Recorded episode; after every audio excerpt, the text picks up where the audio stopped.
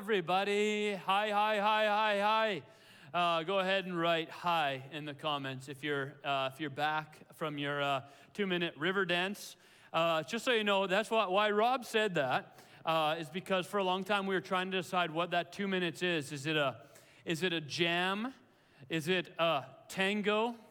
Is it another word that we're not supposed to say anymore? Is it a river dance? What, what is it? So, uh, anyways, uh, it's just always a challenge. Please let us know if you have some tips for us. Uh, let us know in that moment. Hey, can I just tell you something?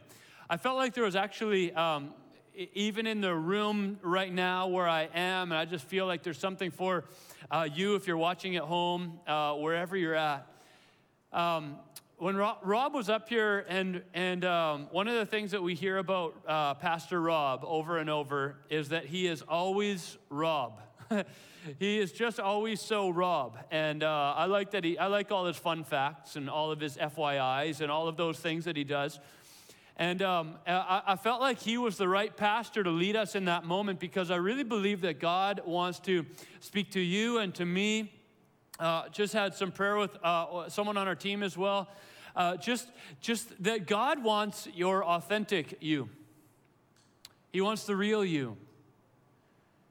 He doesn't want some version of you, some, some, some type of you, some presentation of yourself. We do that in everything else. We do that in our jobs, we do that in our social media, we do that often in our friendships we guard ourselves, we protect ourselves, we, we, we ensure that no one gets to see this or whatever this might be.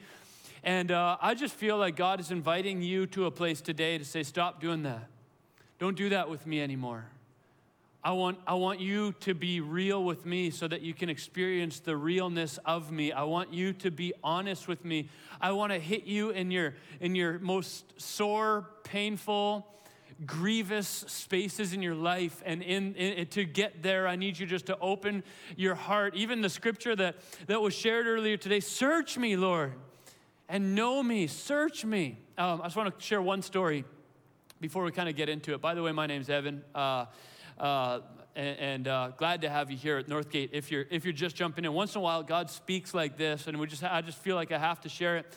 Uh, a couple nights ago, I had a moment with one of my kids, and my kids are getting to the age now that uh, I probably shouldn't share their name every time because then they're going to be embarrassed, and so I'm not trying to embarrass them. But one of my kids um, was having a, a, moment, and just uh, we are just sort of wrestling through some stuff emotionally, where where this child was kind of kind of pushing some things and i thought that this child was lying to me about some things and so I was in their room putting them to bed at nighttime, and I just said, Hey, I, I, I just, uh, are, are you lying to me? This child said, No, I'm not lying. I'm not, I'm not, no, no. I said, okay, because you know that you can do bad things in your life and I will forgive you. And you can, you can do all, we, we, your, your own sin and brokenness in your life, the things that you do that are not good, those don't break our relationship. But you lying to me is a direct assault to our relationship. Like, do you understand that? And this child was like, yeah. Did that move? Yeah. I said, so do you have anything to share? Do, did, are you lying to me? And they said, no. I said, okay. So I prayed for them before, before they went to bed. Lord, expose every fallacy in this. No, just kidding. I didn't. Pray, I didn't pray that. But uh, it was like this. It wasn't like this heartfelt, beautiful, fatherly prayer. It was just like this, ugh, kind of prayer. Like, oh, I, am not. Uh, okay, go to sleep. I walked out of the room and I just felt like my heart was, was crushing. My heart just didn't feel good in that moment. I just felt like something was missing there, and, and there was no restoration, there was no reconciliation, there was nothing resolved. And, and, and this child hadn't done anything wrong, and, and, but it didn't feel right for us. And so I went back into the room and I said, I, I don't, I don't if you didn't lie to me, you didn't lie to me. If you're not trying to trick me, you're not trying to trick me. But here's what hurts me it hurts me that it seems when I talk about our relationship being broken and the cost of you lying to me, what it would mean for our relationship, it seems like you don't care. And this child just broke down and started crying. And man, I, I was just so moved in my heart to recognize that God That's how God loves us. That sometimes we get this move with God, we start doing that, hmm, well, what, whatever. And he's trying to show us no, no, no, no. When you walk away from me, listen, it, it, it's not going to break you. It's not going to break this. It, nothing that you do can, can, can keep me from coming to you. But, but, but don't lie. Like, be honest with me. Tell me the truth. Let me know what's going on. And sometimes we go, hmm, I didn't do anything wrong. So, hmm, Right in that moment, we've said to God, I don't really care if this relationship is restored or how well it goes in the future. It doesn't really matter to me. And as the dad, I'll tell you, when I came back in and my child just started crying and we, we hugged and we had a real prayer and we had a real moment, it was so restorative to me. God wants that from you. He wants the real you, full of all of your sin and all of your uh, mistakes and all of your grief and all of your doubt and all of your everything. He wants it all, and not for you to cover it up so that you can present yourself a certain way and not look bad, but He wants everything so that the relationship that He has with you has nothing separating you from Him. And so that's just a word that I felt God had to say today. And so I had to say it. Uh, so I hope that, hope that resounds with you you can feel maybe you're brand new to church. You're like, what is that? That's Jesus, and He loves you. He loves you right, right now, where you are. While we were still sinners, Christ died for us. While we were still sinners. All right. Let's move on to the actual sermon that we have for you today. Uh, we're, in, we're in a series called Committed. And uh, when, when we've been in this series, Committed, we've been looking at what would it take, what did it take in the early church for uh, the, the, the committed, what happened that launched the church into such thriving, such an incredible move of God that saw so much increase and so much growth. What happened then so that we can try to replicate it now? What is God leading us to now? What kind of commitment would God be calling us as individuals and as a church too, that we might see the same kind of thriving that was seen in the early church, uh, that we might see that uh, right now in our time. And so the first week we talked about how if we want to commit to the church, we better first commit to Jesus. The church will let us down. The people of the church will let us down. Relationships are not 100%. Jesus is 100%. Start with Him. If you have a relationship with Jesus, though, that starts to lead you towards commitment to the local move that God is doing in your local church, through the local church. So the next week we talked about what happened when they committed. There was generosity, and there were signs and wonders, and there was, uh, there was growth, and there was influence in the city. There were all of these incredible things happening. That's what started happening. So, what was it that they committed, committed it to? First of all, they committed to the apostles' teaching. Who are the leaders that God's put in front of us?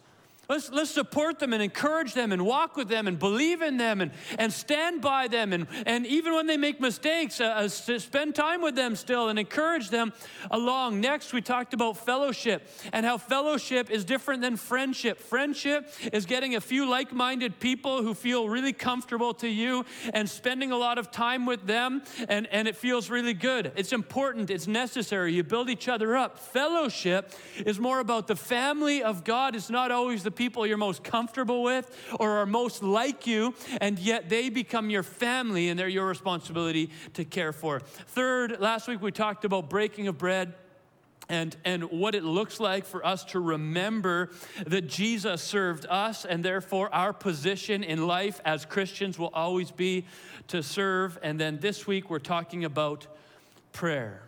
So last week of this series, Acts 2:42, they devoted themselves to the apostles' teaching and to fellowship and to breaking of bread and to prayer. Whenever I, uh, I bump into a sermon and we're going to do a sermon on prayer, I think uh, basically uh, the problem is that you could look through the entire Bible You scan through the entire Bible and there's prayer here, prayer there, prayer there, prayer there. Like what, what prayer did they commit themselves to? What were they, what were they doing? When did they do it? How did they do it? Why were they praying? What were they believing for in those times? When you look through, you can see uh, David praying for a son that God has said is going to die. And he's praying that maybe God wouldn't take his son. Uh, we, we, see, we see people praying for the sick. We see people who prayed for uh, the, the injustices of the world and, and knocking on the door. Jesus gives pictures of people praying and knocking on the door of, of God and saying, uh, uh, We, we want to hear from you. We're not going to stop until we've heard from you. We want the answer that we're looking for. We see prayers from Elijah who prays for a drought to happen, and then from Elijah also who prays for water uh, or for rain to come. And both of those happen. You see all of these prayers through Scripture. And so, what was the prayer that they were praying for? What was the prayer that they committed themselves to at the beginning? Even maybe in your life, you've seen some prayers. You've prayed a whole bunch of different things. My wife has the anointing to pray for lost things. It's a crazy one. It's honestly like if I lose something, I'm like, I need to go find Kendall. Kendall, where are you? Pray for this thing because it needs to show up. One time we were looking for a Fitbit.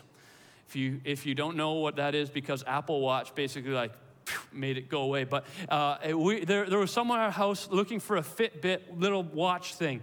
And we were looking everywhere. They were visiting and they were going to leave. And, and uh, where could it be? And Kendall goes, Kids, kids, kids, we got to stop and we got to pray right here. And so they get in the living room and they're praying, and I'm like the unfaithful one. I'm like looking around. Why are you praying for it? We just got to look, open your eyes, you know. And they stop and they pray. And then uh, Kendall goes, Oh, did you walk by that bush outside? I'm like, what are you talking about? Literally went to this bush and found the Fitbit in the bush. That's a true story. Some people just like, who knows, maybe you uh, love praying for lost things.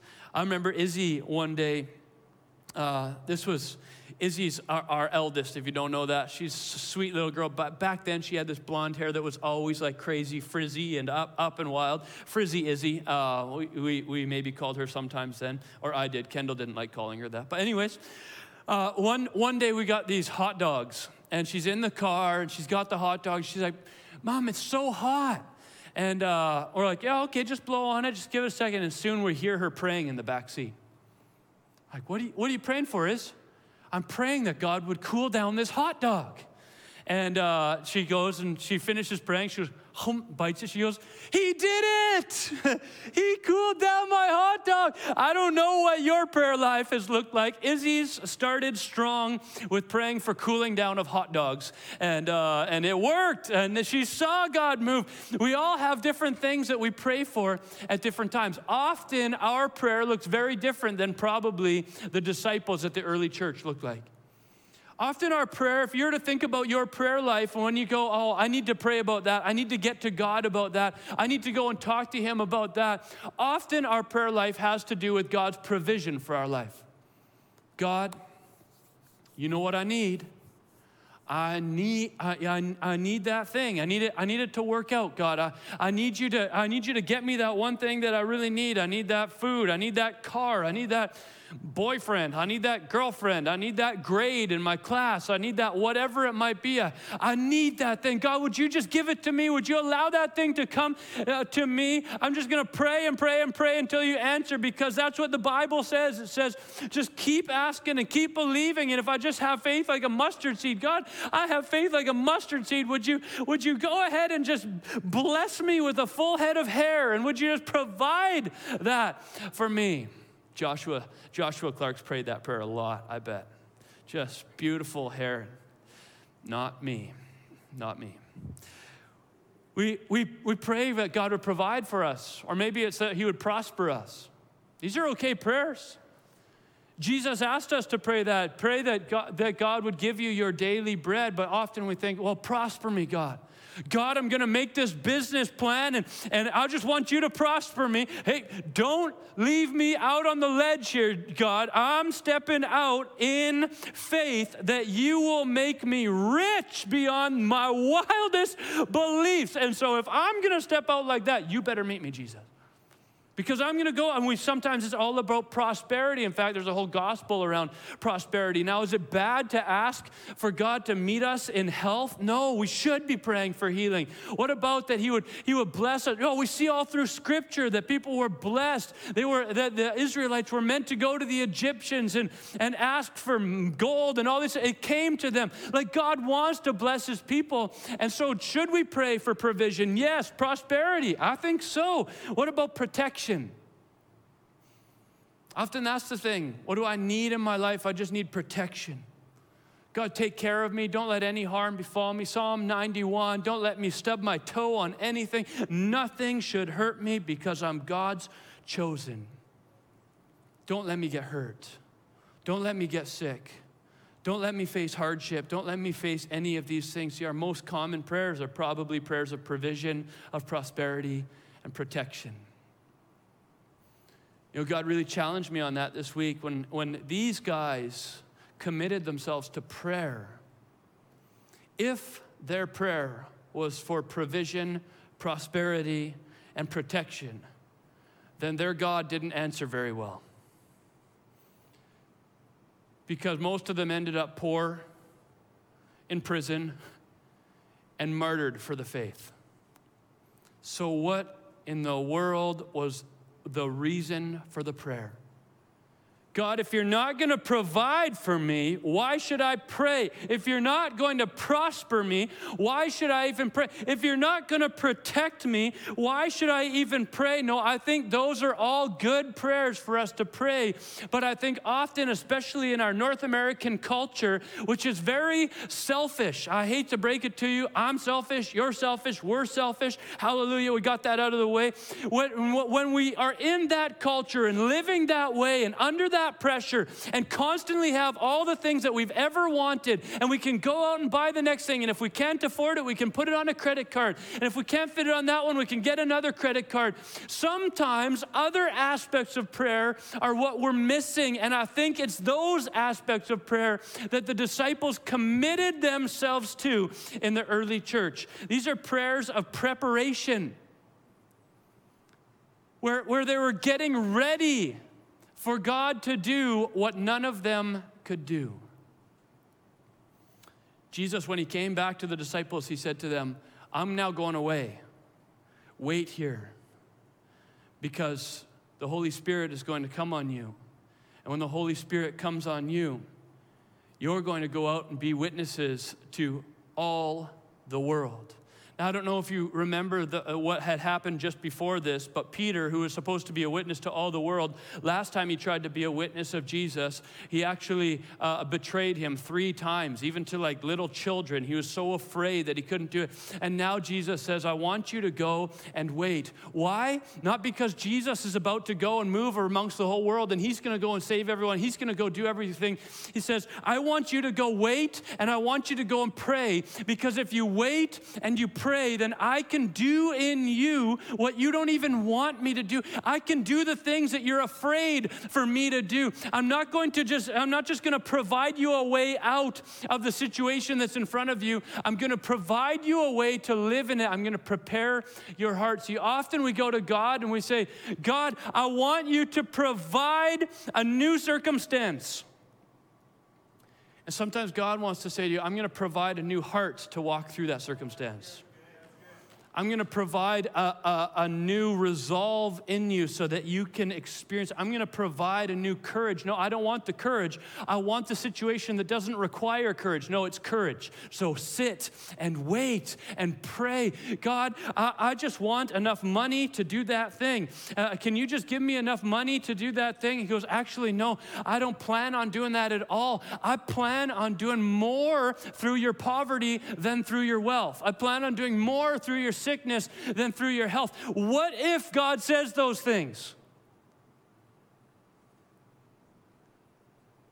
What if He says to us, I want to do the thing uh, through you that, that you wouldn't ask for? How are we going to be ready? And the disciples learned that they had to pray for preparation. Preparation for what? Prison?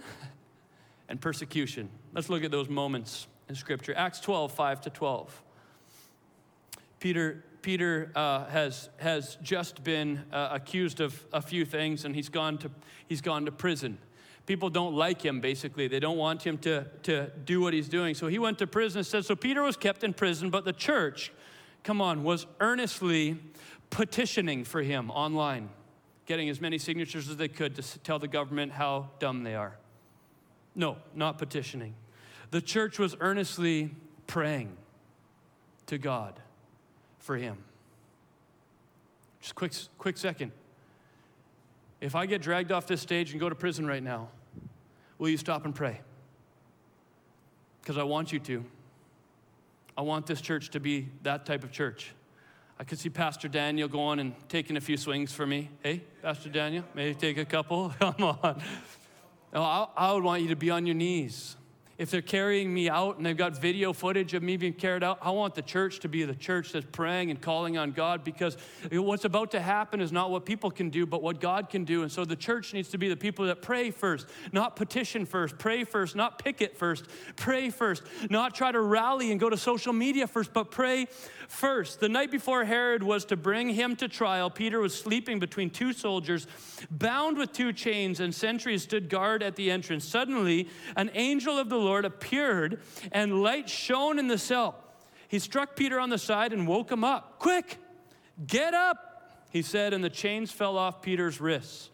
Then the angel said to him, Put on your clothes and sandals. And Peter did so. Wrap your cloak around you and follow me, the angel told him. Peter followed him and put the uh, uh, or out of the prison. But he had no idea that what the angel was doing was really happening. He thought he was seeing a vision. They passed the first and second guards and came to the iron gate leading to the city. It opened for them by itself, and they went through it.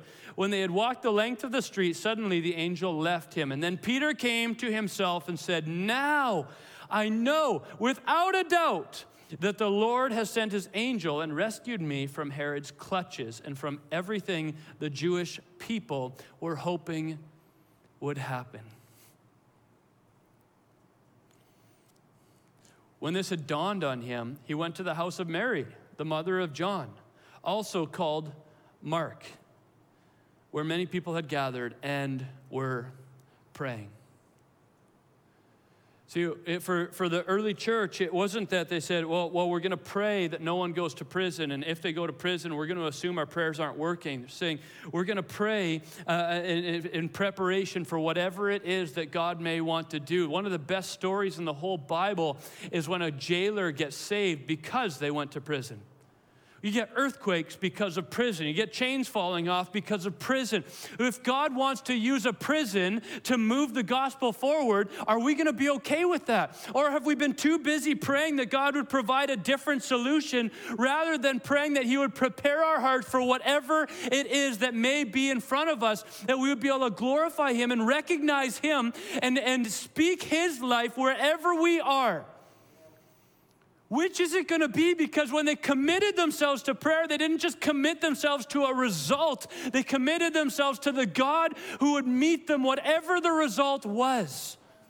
They believed that God had the plan, God had the solution. It wasn't any of them that was going to have the solution. They had already determined. Isn't it cool that in the upper room, after Jesus died, rose from the dead, uh, came, talked to them all, and then went away, said, I'm going to send my Holy Spirit. It's in that upper room that they established the apostles uh, and the apostles' teaching, that up in that upper room, they're having fellowship and breaking of bread and prayer. The church launched in a room. And then it didn't change when it shifted outside into the world. It was just this natural what are we going to do? We're going to pray. What if it's what if it's persecution and prison that God wants to prepare you for?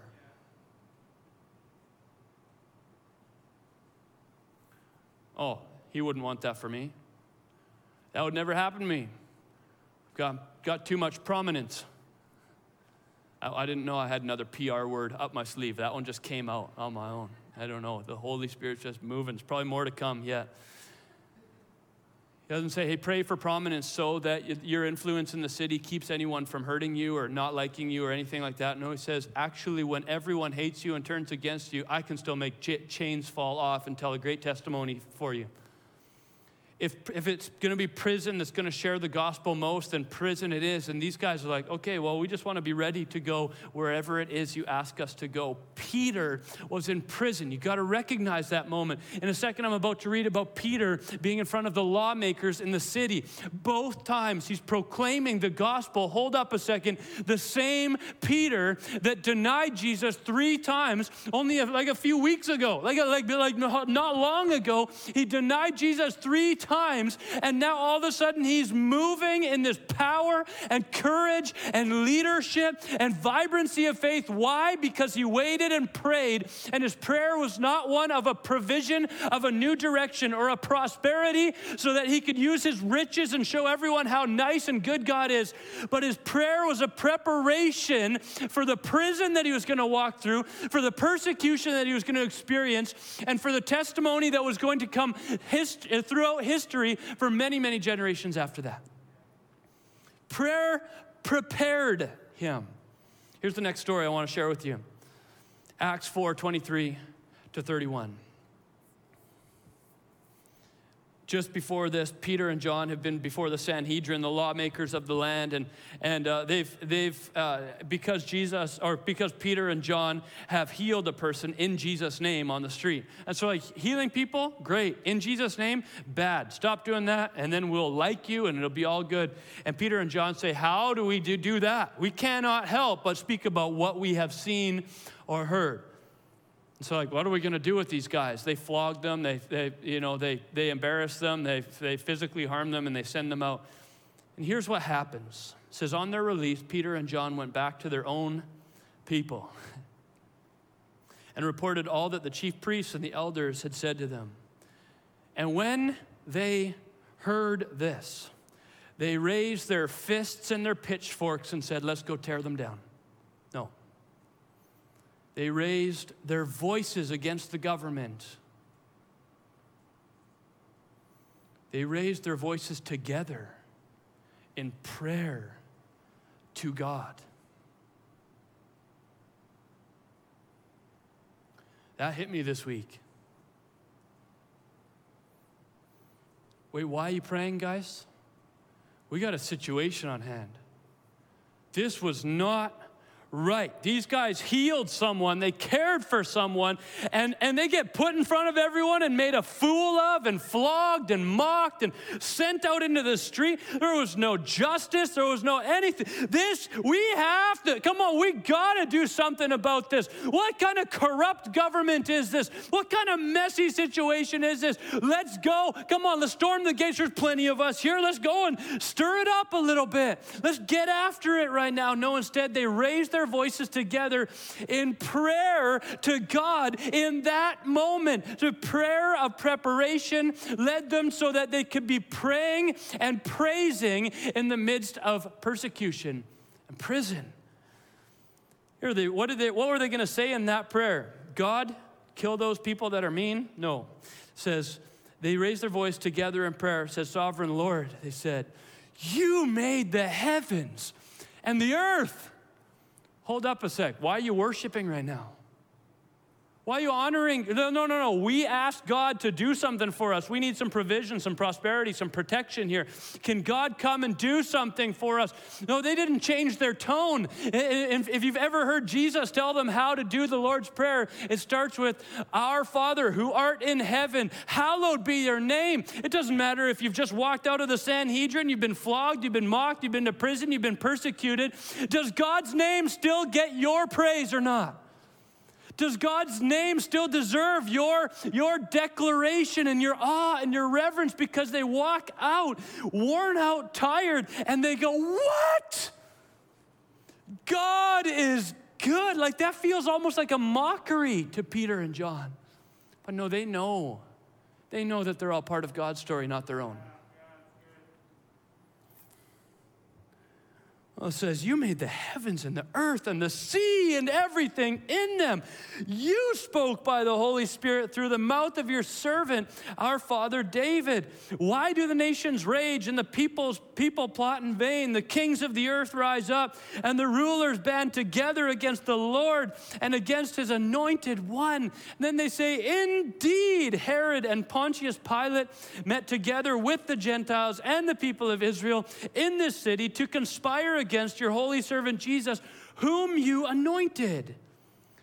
They did what your power and will had decided beforehand should happen.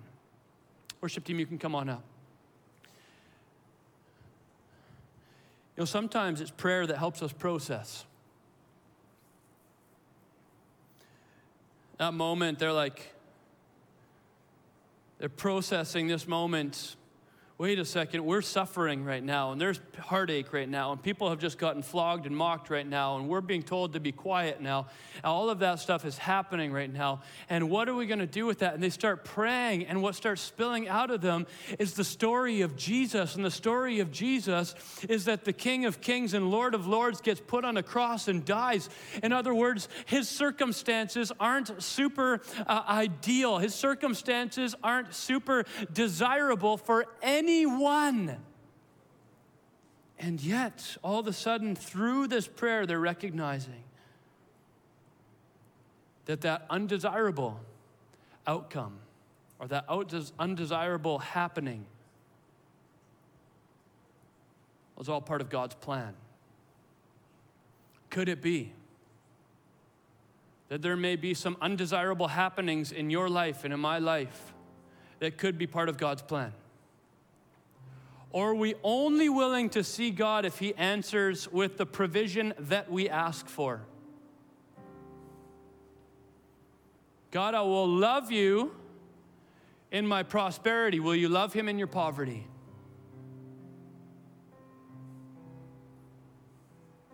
Jesus actually asked some people who were so hung up in their money in the in the in scripture to give it all away. Well, yeah, but he wouldn't ask me to do that. I use my money for good. I do lots of good things with it. That's great. But it's actually his money. He's blessed you, He's gifted you.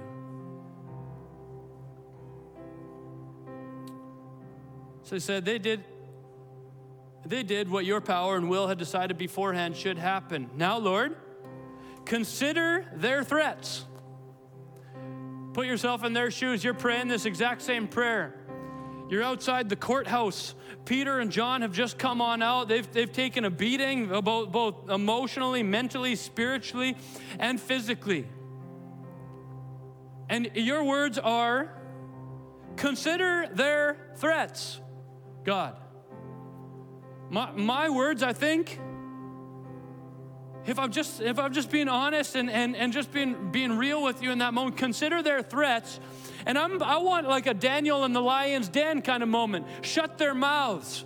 You know, you know put, tear down their defenses, hurt them instead. Put a, put a hedge of protection around us. Give us what we need. And probably I do pray that first. But then here's where these guys go they say, considering their threats, enable your servants. Not shut down the threats, not shut down the Sanhedrin, not shut down the government. Enable your servants to speak your word with great boldness. Right now, we don't need protection, we need boldness. What?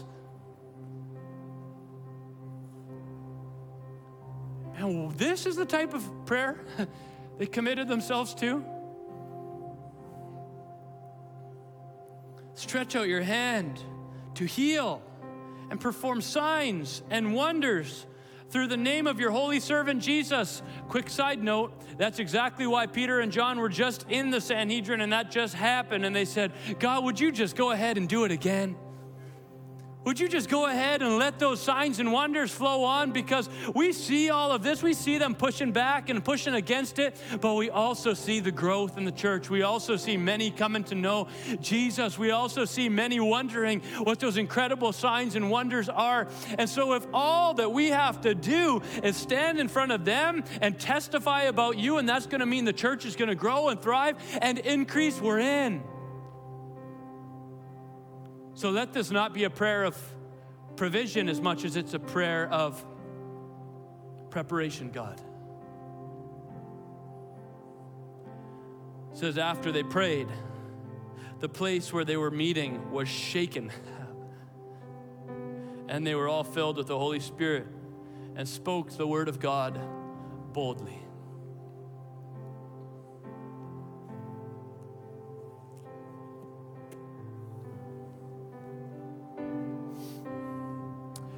Here's my, here's my encouragement for you today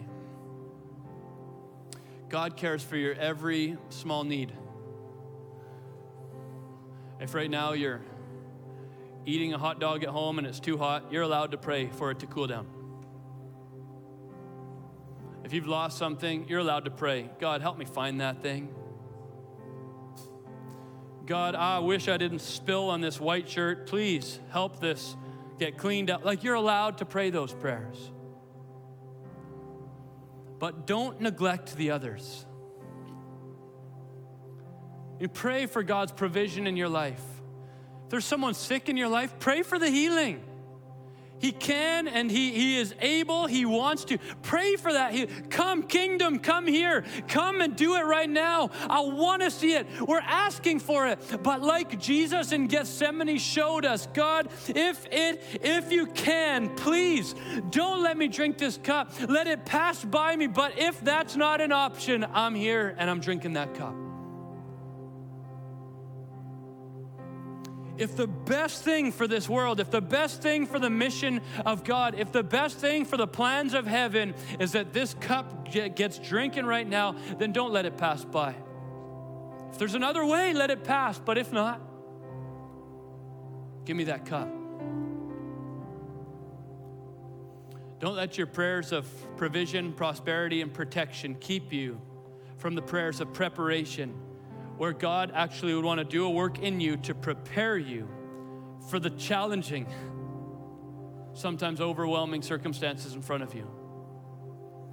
But that you'd be able to face them through His Spirit, strengthened by Him, because He's prepared you through your prayers, that you might praise in the midst of prison or persecution or whatever process you have to walk through. I'd just love to pray for you now.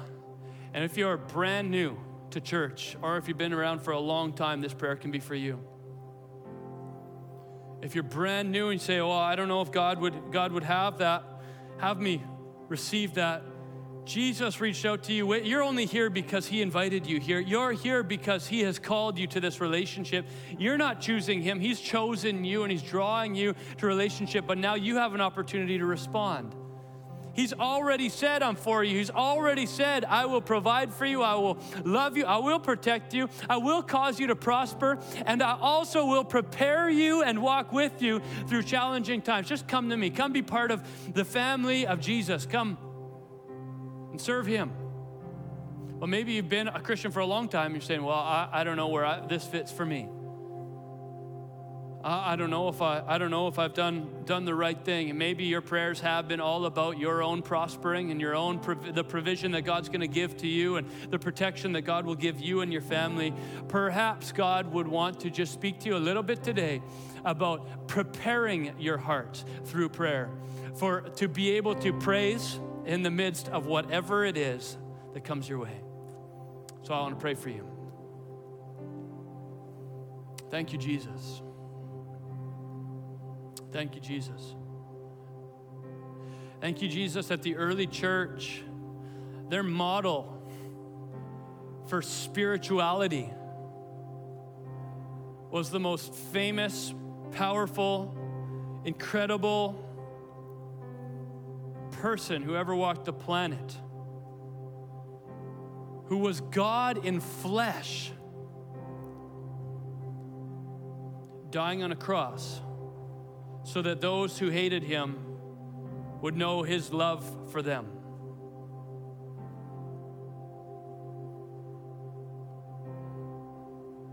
Their model for praying was not give me all the pain, God. Let me walk through all the worst stuff so I can prove how strong I am. But it was, if I don't have to walk through it, please don't make me. But if I have to, I will. And so prepare me. God, I just pray that today your church would commit to that kind of prayer. That we would pray for healings, watch for them, believe for them, and see them in this church. We would pray for salvations, believe for it we would pray for protection and just believe that you're going to look after us and watch out for us. But God, we would also pray for preparation that when we, we have to face things that we wouldn't have chosen, but you want us to walk through so that your glory can be known, so that you will be honored, so that your gospel will reach further. God, would you allow us to pray those prayers and receive your Holy Spirit to walk in the spaces that we wouldn't and couldn't walk otherwise? Let us be people committed to you, Jesus, so that we could praise in the midst of whatever prison we might discover ourselves in. In Jesus' name we pray. Amen.